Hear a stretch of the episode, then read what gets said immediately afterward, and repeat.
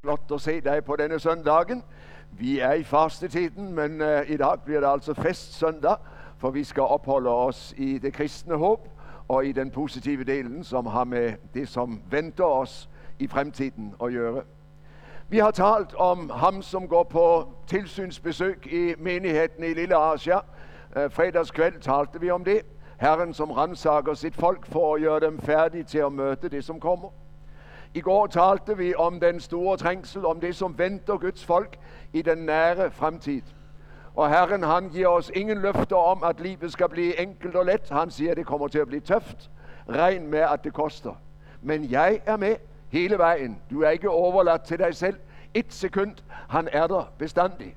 Enten du føler det, enten du kender det, enten du ser det eller ikke. Herren er der. Jeg er med dig alle dager ind til verdens ende. I går læste vi i åbenbaringen 6 om verden, som står på kanten af stupet. Alt holder på at afvikles. En gammel verden er i færd med at gå under for at give plads til en ny. Og der afslutter kapitel 6 i Johannes åbenbaring med et forfærdeligt bønnemøde. Alle mennesker samlet og råbende til fjellene og havene, fald over os og skjul os for hans vrede, som sitter på tronen og for lammets vrede. En uendelig dyster situation. Man har forspilt sin nådetid, og man skjønner nu er det slut. Og der rejser spørgsmålet, for den store vredesdagen er kommet, og hvem kan da blive stående?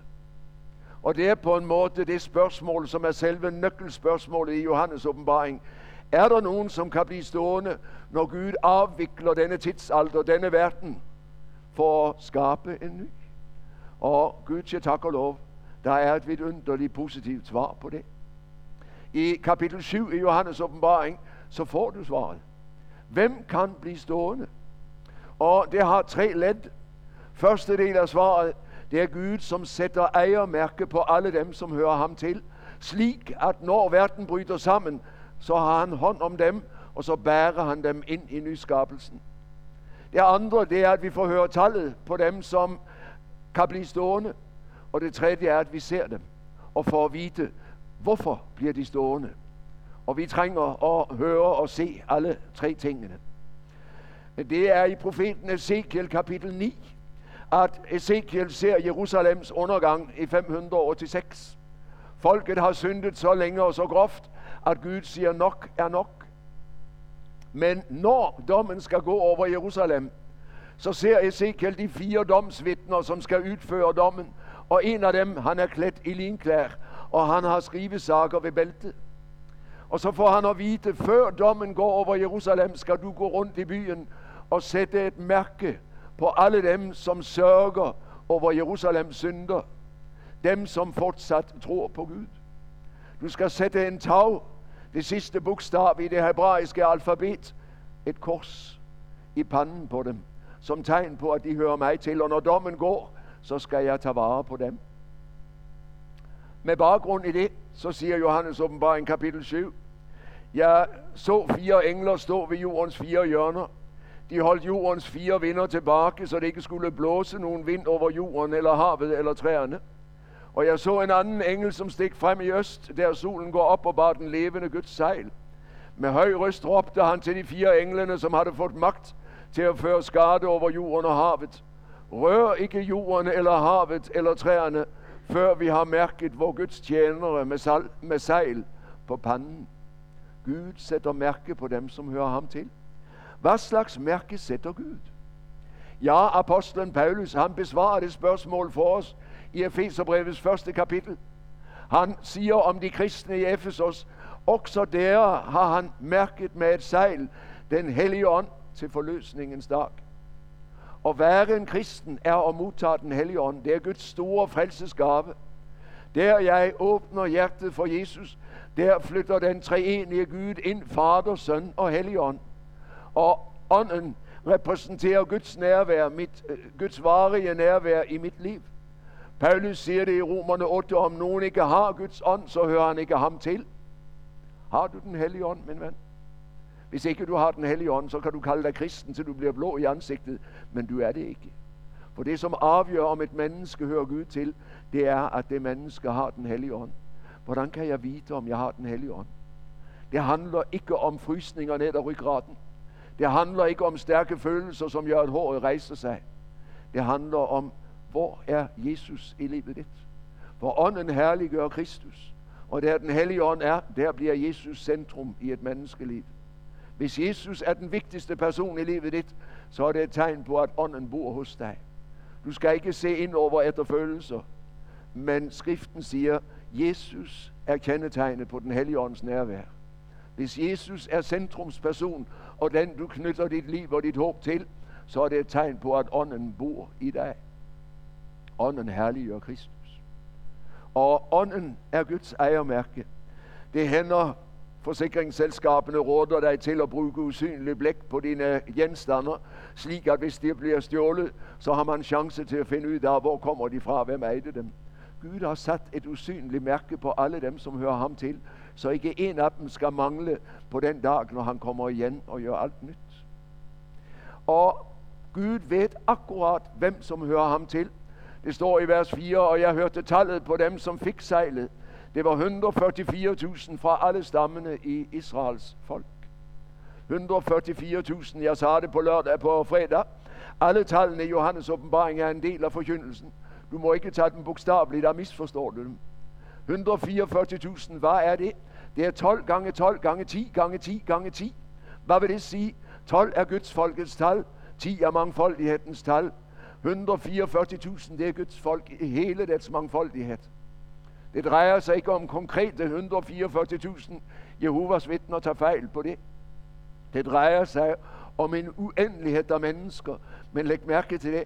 Herren har tal på alle dem, som hører ham til. Du behøver ikke at være redd for, at du bliver glemt den dagen, han kommer. Han ved om dig, så sandt du er hans. Og så er det interessant, for i vers 9, så ser Johannes disse 144.000 og hører, hvad der står. Derefter så jeg en skare så stor, at ingen kunne tælle den, af alle nationer og stammer, folk og tungemål. De stod foran tronen og lammet klædt i hvide kapper med palmegrener i hænderne. Og de råbte med høj røst, sejren kommer fra vor Gud, han som sitter på tronen og fra lammet.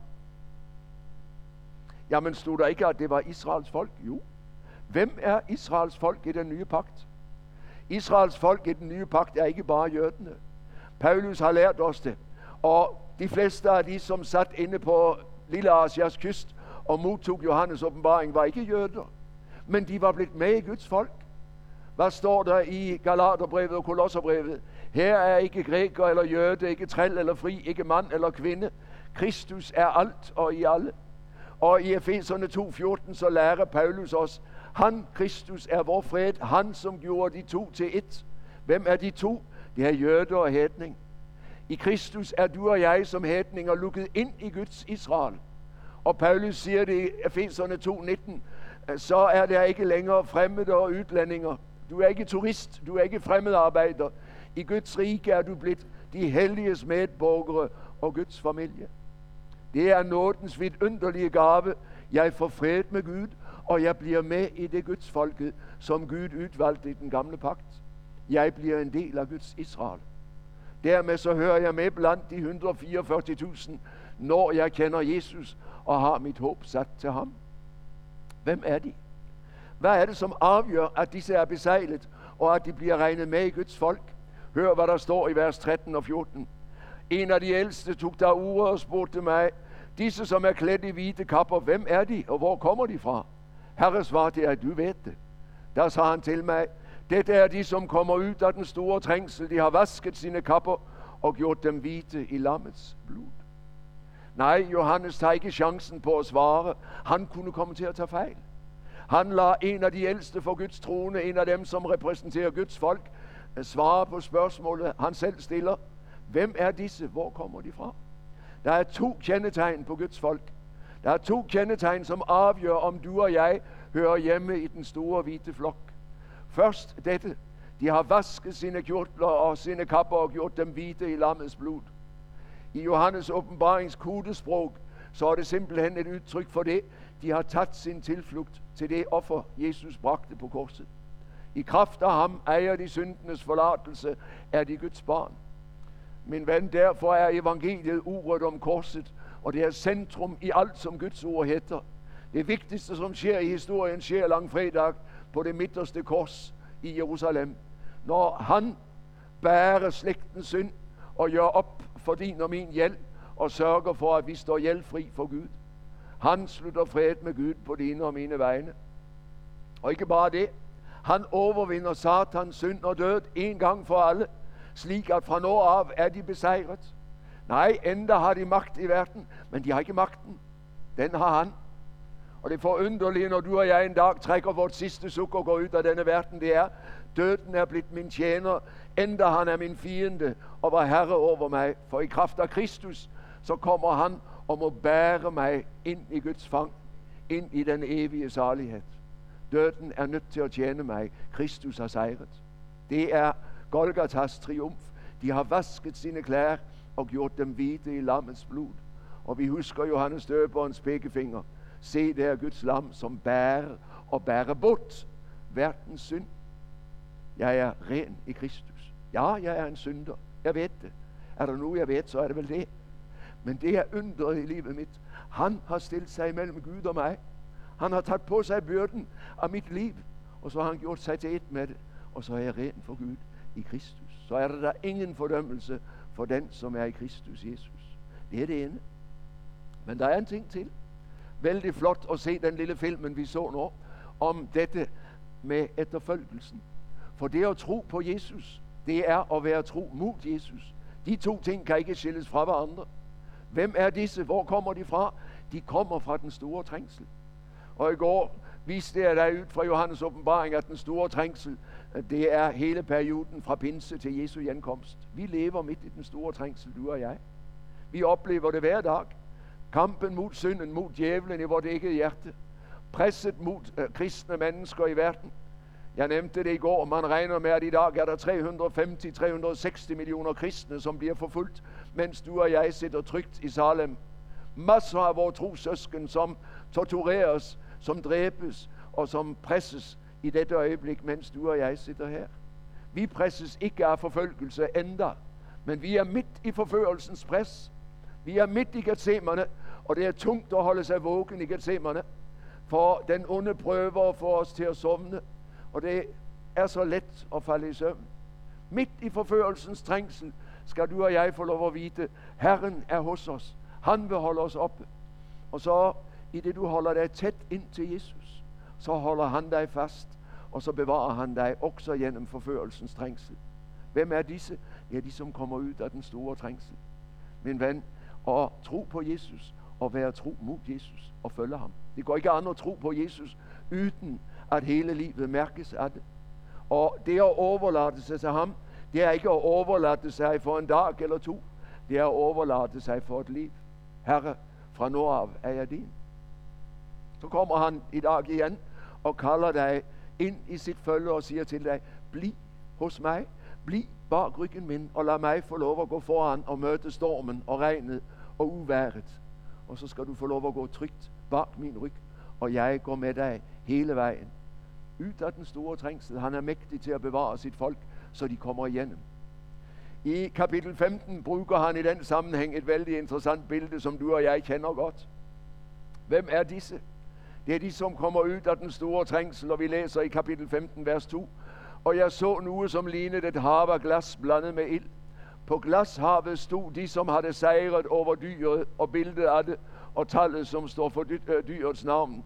De har Guds harper i hænderne, og synger den lovsangen, som Guds tjener Moses sang, den som også er sangen for lammet. Vi kender historien. Israel, som vandrer gennem det røde hav med farao ret bak. De kender hans pust i nakken, men han kommer aldrig nær nok til at tage dem. Og pludselig er de gennem havet og står på frelsens strandbred og ser, at farao og hele herren går under i Rødehavet. Det er slut. De kan aldrig true dem mere. Der er du og jeg på vej gennem trængselshavet. Og endda er vi der. Men om et øjeblik er vi i land på frelsens strandbred og bliver med ind i den Moses lovsang, som starter i 2. Mosebog 15 og som fuldendes i herligheden. Den, som har fået en ny dimension. For nu er det ikke længere bare frelsen fra Ægypt. Det er frelsen fra synden og djævlen og døden og fra Guds vrede og dom og jeg står ved glashavets bred, fri og frelst for bestandig, og ved, at Satan kan aldrig nå mig mere. Han er færdig. Han går under i trængselshavet, og jeg bæres ind i Guds fang, ind til herligheden. Det er den kristne situation. Vi er på vej gennem trængselshavet. Om et øjeblik, så er havet passeret, og så er vi i friheden. Og der står der så vidt underligt i kapitel 7, lad mig bare få lov at tage det med også. Når folket, øh, det frelste folk, er kommet ud af den store trængsel i kraft af lammets blod, vers 15, derfor står de for Guds trone og tjener ham dag og nat i hans tempel, og han, som sitter på tronen, skal rejse sin bolig over dem. De skal ikke længere sulte eller tørste. Solen skal ikke falde på dem, og ingen brændende hete. For lammet, som står midt for tronen, skal være jæter for dem, og vise dem vej til kilder med livets vand, og Gud skal tørke bort hver tåre fra deres øjne. Et lille øjeblik, så er vi der. Vi er godt på vej, min ven. Og det kan synes så vanskeligt at nå den andre bred, men vær du helt tryg. Han går foran, og han går bak. Han omslutter dig. Han er over dig, og han er under dig. Og du vandrer midt i hans omsorg, indtil du står fremme i herligheden, indtil han har ført dig igennem. Derfor står de for Guds trone, fordi lammet har sejret, og du og jeg har del i sejren. Hvad er det, vi får del i? Jo, vidunderligt, den himmelske løvhyttefest. Jeg ved ikke, om du har tænkt på det. Påskefesten i den gamle pagt får sin opfyldelse i påsken i Jerusalem år 33. Pinsefesten i det gamle testamente får sin opfyldelse i pinsedagen, du kan læse om i Apostelgjerningene 2. Løvhyttefesten. Den store høstfesten. Ja, påsken, det var det første byggenæg, som blev båret frem til Herrens alter. Pinsefesten, det var det første hvetenæg, som blev båret frem til Herrens alter. Løvhyttefesten. Der var kornet, der var æblene, der var pomgranatene, der var alt båret ind i lageret for vinteren. Alt var høstet i hus. Løvhyttefesten, den store høstfest, når alt er hentet ind. Når hele Guds folk er kommet hjem, og lovsangen kan begynde for alvor og være ubegrænset. Der er der ikke nogen, som bærer pinsevenner om at sige halleluja. Der siger de det selv, enten de kommer fra missionssamband eller nogen mission, det kan jeg love dig. Den dagen så synger vi grænseløst i pur jubel og lovsang. Herren har fuldført sin plan. Løvhyttefesten, den store høstfesten, den er ikke opfyldt endda. Den venter på Herrens genkomst. Når han kommer, så skal vi fejre løvhyttefest. Og der skal vi få lov at stå foran Herrens trone og vite, nu er alle trængsler forbi. Han skal tørre hver tåre af deres øjne. Lammet, den gode hørte, har ført os frem, og vi står fremme. I kapitel 14, så siger øh, Johannes, for Johannes se nu mere. Jeg nævnte det så vidt i går. Når vi er tilsyneladende besejret af dyret af antikrist, som stiger op af folkehavet, og det ser ud som om Guds menighed er forbi, så er Guds menighed fortsat på Sionsberg sammen med lammet. Udefra set ser det ud som om menigheden taber.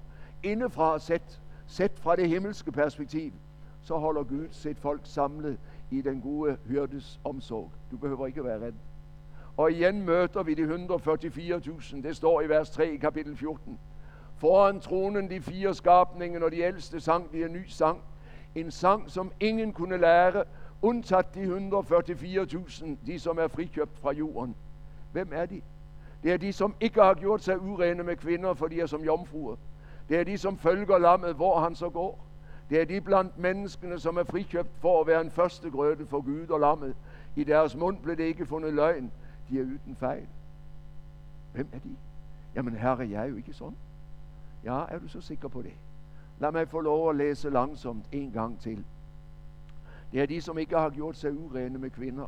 Dette drejer sig ikke om samliv og ægteskab. Dette drejer sig om hur i bibelsk betydning. Det vil sige synd mod Guds første bud og Guds sjette bud. Hur i det gamle testamente, det er både afgudstyrkelse. Den, det folk, som var kaldt til at være Herrens brud, holder sig med afgudene. Og derfor er alt synd mod det første bud i det gamle testamente, det er åndelig hur. Og vældig ofte i det gamle testamente, så var det åndelige hur, afgudstyrkelsen, forbundet med konkret hur. Fordi man gik i afgudstemplet og lagde sig med de prostituerte, som holdt til der. Slik var det, både i det gamle testamentets tempel og, eller øh, øh, afgudstempler, og likedan i afgudstemplene i Hellas og i Efesos og i Lille Asia på Paulus' tid. Utrolig mange prostituerede knyttet til, fordi gudstyrkelsen gav sig udtryk i, at man lagde sig ned enten med en mand eller en kvinde, alt efter hvilket køn man havde. Og så offrede man til guden ved at have samleje med en prostitueret. Derfor åndelig hur og konkret hur knyttet til afgudstyrkelsen. Det er de, som ikke har gjort sig urene med kvinder, for de er som jomfruer. Altså de, som har holdt sig til Kristus og levet sit liv efter hans vilje og i hans lys. Jeg har ikke noget med samliv mellem de to, som er gift at gøre, men det har noget med dette, hvordan er dit forhold til afgudene. Og disse har holdt sig til Kristus. Afgudene har aldrig fået magt hos dem. Det er de, som følger lammet, hvor han så går. Også når han går til korset. De står ikke af, når det begynder at koste. De bliver der, selvom det koster. Og de ser det i øjnene, at det kan koste livet. Og de bliver der, for de ved, ham kan jeg ikke undvære. Han er det vigtigste i livet mit. Og endelig, det er de blandt menneskene, som er frikøbt for at være en første grøde for Gud og lammet. I deres mund blev ikke fundet løgn. De er fejlfri. Jamen, jeg er jo ikke fejlfri. Jeg er jo en synder. Og det handler vel, at jeg omgår sandheden alt for let. Og så bliver der løgn af det. Jamen, det er undret i Kristi forsoning. At når jeg vandrer i lyset, ligesom han er i lys, der har vi samfund med hverandre. Og Jesu Guds søns blod renser og renser og renser og renser vedvarende hele tiden fra synd, så sandt jeg bliver i lyset. Så sandt Gud får lov at tale sandt med mig om mine synder. Mine venner, det er det vidunderlige frelsen skænker dig en fuldkommen retfærdighed. Jeg står for Gud, som om jeg aldrig havde syndet. Jamen det kan ikke være sandt. Jo, siger evangeliet, det er sandt. Du er fuldkommen retfærdig. Han har taget synden og skænket dig sin retfærdighed. Og derfor hører du hjemme blandt de 144.000. Hvad indebærer det?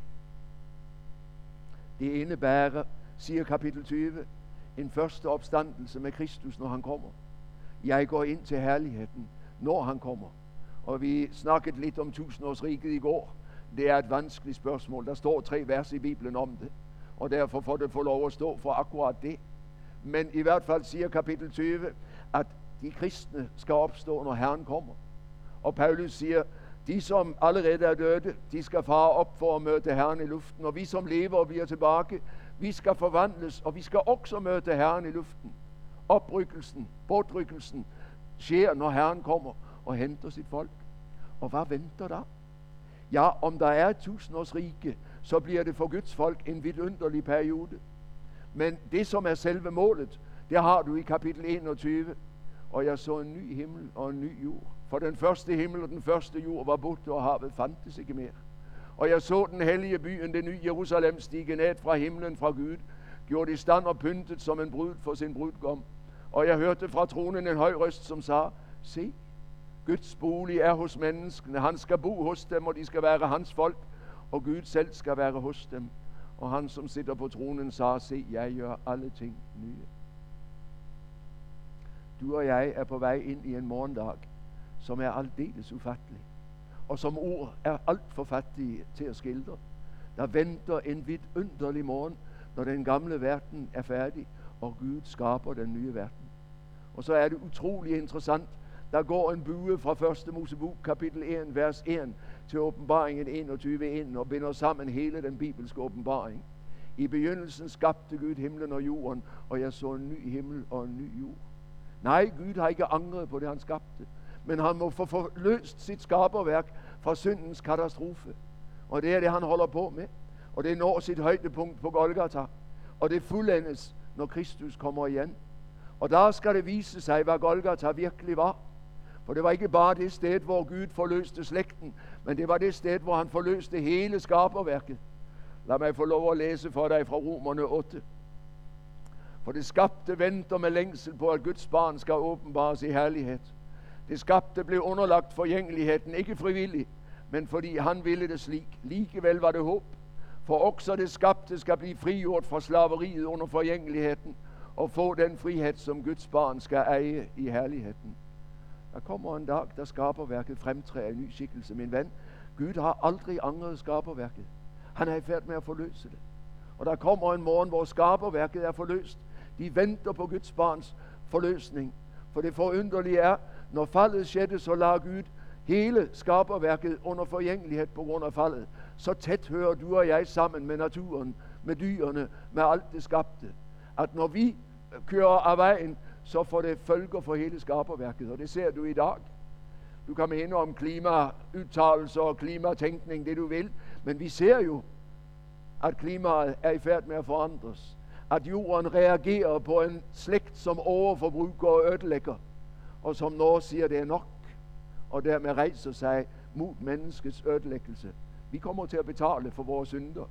Men samtidig, når Gud så forløser den menneskehed, som vendte ham ryggen og frelser sit folk i Kristus, så forløser han hele skaberværket. Det ligger under forgængeligheden. Der kommer en morgen, der skaberværket ikke længere er forgængeligt. Og det skal blive utrolig interessant på det, at se på den nye jord, blomstenes form og farger, og dyrenes form og farger. når du og jeg selv er forløst og har fået et åndeligt lægeme, som er aldeles nyt, men som samtidig siger, Gud har ikke angret. Der er sammenhæng mellem det, som var, og det, som kommer. Nej, jeg kan ikke fatte det. Men jeg ser, at skriften siger det. Og det bliver utroligt en dag at opleve det. Har du nogle gange været i Christiansfeld, denne lille brødremenighedskoloni mellem Kolding og Harderslev nede i Jylland? Kør ind om en gang. 1783 giver Christian den 7. Eh, øh, nogle herrenhytter fra Tyskland lov at slå sig ned i Christiansfeld, for de er så aktive. De skaber så mye, og han trænger det i et rike, som holder på at gå for lidt. Gå for lidt. De er utrolig missionerende også. Ganske almindelige mennesker, håndværkere, drar verden rundt med evangeliet. I denne brødremenighedskoloni, hvor der er en stor kirke, et brødrehus og et søsterhus og et enkehus, så er der også en gudsarker. Og gudsarkeren, det er brødremenighedens kirkegård. Man kalder den arker, for det sås i forgængelighed, men det opstår i uforgængelighed. Og når du går ind på Guds arkeren, så findes der ikke én grav, som er sløjfet siden 1783. De er der alle sammen. Og takket være penge fra World um, Heritage uh, Fund, så er man nu i stand til at forny hele denne kirkegården og tage vare på alle disse gravene. Ja, for en dag skal det, som er sået i jorden, opstå i ny skikkelse, siger apostlen. Og når du går ind på Guds arkon, så står det over porten, det sås i forgængelighed. Når du går ud igen, så står der, det opstår i uforgængelighed. Vi er på vej mod noget utroligt. En ny himmel og en ny jord. Hvad er det, vi venter på? Vi venter på ham, frem for alt. Og det, som er centrum i hele synet af det nye Jerusalem, hvad er det? Det er mødet mellem bruden og brudgommen. Du kan læse det i kapitel 19 i åbenbaringsboken. Vi mødte i går huren, sjøken, hun som var dyrets folk, antikrists menighed, de som følger dyret i tilbedelse, og som ender i forskrækkelse og i katastrofe. I kapitel 19, vers 6 eller vers 7, så står der, Lad os glæde os og juble og give ham æren, for tiden for lammets bryllup er kommet. Hans brud har gjort sig i stand, og hun har fået en dragt af skinnende rent lin. Min ven, hvorfor henter Herren folk hjem? Hvad gør han med dem? I min fars hus er det mange rum. Var det ikke slik, har jeg sagt, det er det. Og når jeg har gjort i stand sted, kommer jeg og henter der til mig, for at der skal være der jeg er. Jeg tror, at de, som dør i troen, er hos Kristus. Hvad er det, som foregår? De er i brudekammeret. De er i færd med at klædes i linet, slik at om et øjeblik, når brylluppet er der, så er de færdige til at møde brudgommen. En dag skal du og jeg få lov at være i den flokken af Guds nåde, nyskabt fra inderst til yderst, iklædt dette vidunderlige rene lin, og så skal vi få lov at møde brudgommen. Hør, hvad åbenbaringsboken 20 siger. En af de syv englene, som havde de syv skålene, fyldt af de syv sidste plagene, kom bort til mig og sagde, Kom, jeg skal vise dig bruden, lammets hustru. Og så ser han det nye Jerusalem. Det nye Jerusalem er ikke en by, det er et folk. Det er dig og mig. Og alle Guds barn, fra den første til den sidste. Akkurat som huren ikke var en by, det var et folk. Det var dyrets folk, ikke sandt? Men det blev kaldt for Babylon. Og så skildrer altså Johannes i billeder af byen bruden, folket, det forvandlede folk. Hvad er det, han ser? Ja, lad mig få lov at læse for dig.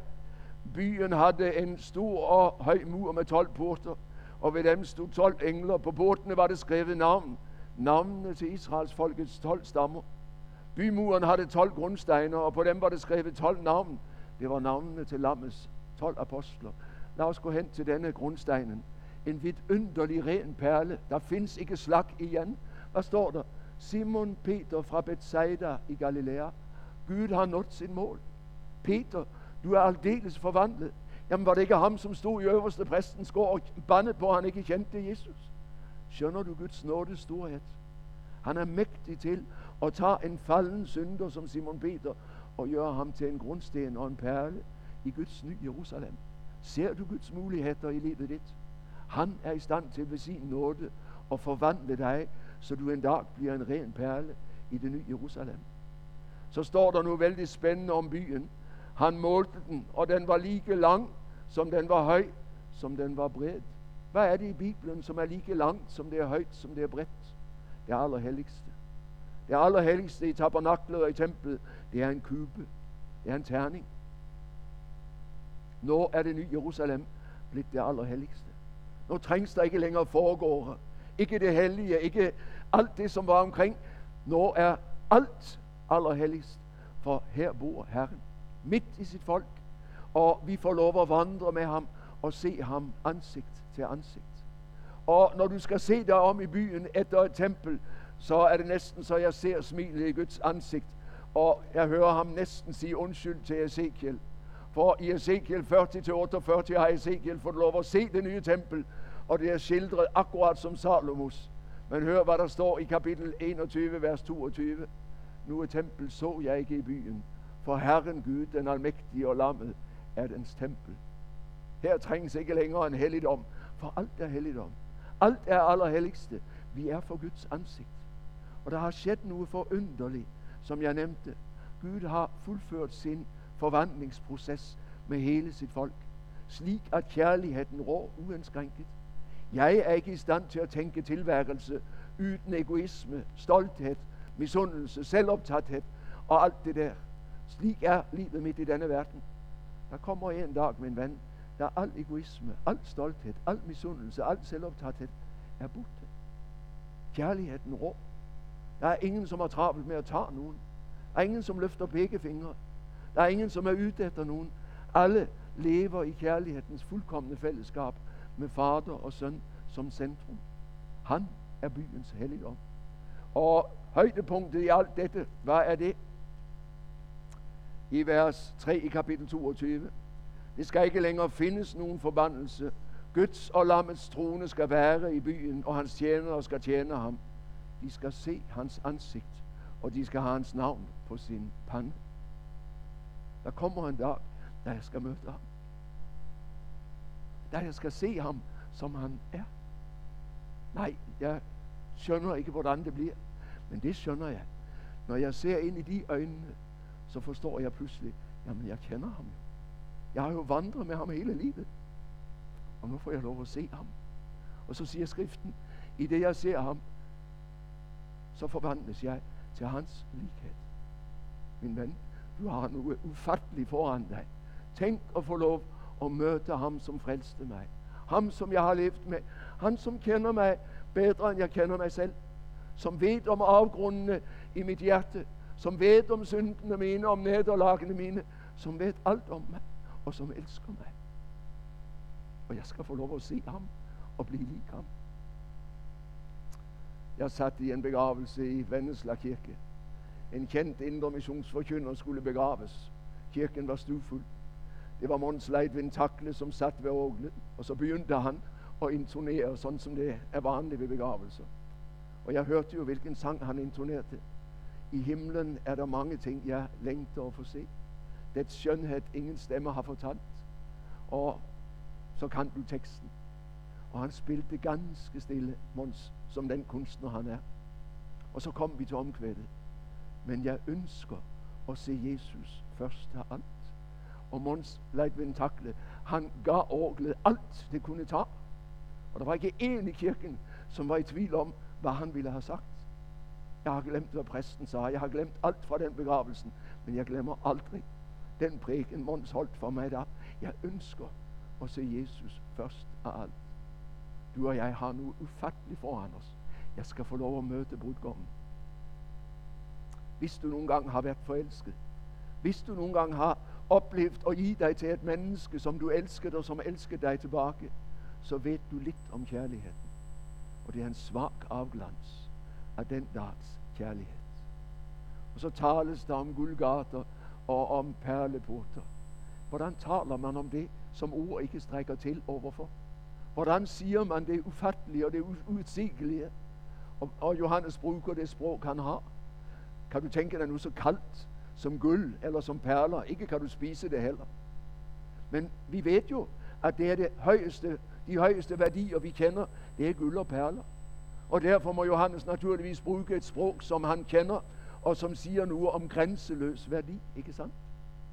En dag er jeg der. Og kanskje er Herren nærmere, end du tænker. Paulus siger det i Filipperne 1.23. Det har det været langt bedre at fare herfra og være med Kristus. Det er det, du og jeg får lov at vente på. Og det er det, vi ser frem til. Og så er det vigtigste, det er aldrig udenom værkene. Det er aldrig alt det omkring, men det vigtigste, det er jo altid relationen. Det vigtigste, min kone kunne give mig, det var sig selv. Og de bedste stundene, det var, når vi havde de der gode, dybe samtalene, og kendte, at vi virkelig var tæt på hverandre. Ikke sandt? En dag skal jeg få lov at være der. Ikke bare i perleporten og i Guldgarten, for det er bare billeder. Men jeg skal få lov at være sammen med ham og vite, nu er jeg hjemme. Nu er jeg på plads, og nu skal vi aldrig skilles mere. Hjemme. Jeg har rejst hele livet. Jeg har forladt hjemmet utallige gange og kendt ulysten til at rejse fra kone og barn. Og oplevet velsignelsen af at møde Guds folk og være ute og dele Guds ord. Men frem for alt oplevet utallige gange velsignelsen i dette mærkelige at komme hjem og vite, der er nogen, som elsker dig og venter på dig. Og så fik jeg lov at trykke på ringeklokken, og så åbnede døren sig, og så kom de mig i møte. Min ven, du og jeg er på vej mod akkurat det. Om et øjeblik ringer han på døren, og du skal få lov at hive alt, du har i hænderne. Og så skal du få lov at løbe ham i møte og råbe til ham, Jesus. Og så er vi på plads. Det hebraiske ordet shalom, du kender det, det betyder fred, ikke sandt? Det er det gammeltestamentlige begreb for akkurat det, vi sang. Se, han kommer, han som sætter alle ting i stand. Shalom, alt er på plads. Alt er fuldkomment. Der er ingenting, som skurrer. Der er ingen mislyder. Jeg har nu, nogle få gange i livet haft den oplevelse, at Gud havde velsignet mig så grænseløst rigt ud over alle grænser, at jeg måtte sige til ham, herre, henter du mig nu, så er det helt greit. Jeg har fået så mye mere, end jeg i min vildeste fantasi kunne have drømt om. Jeg tror, det er den oplevelsen, du skal få den dagen. Det strømmer over. Mit bæger flyter over. For Herren er hos mig med hele sin rigdom. Og jeg ved det. Nu er jeg på plads. Det var dette, jeg var skabt til.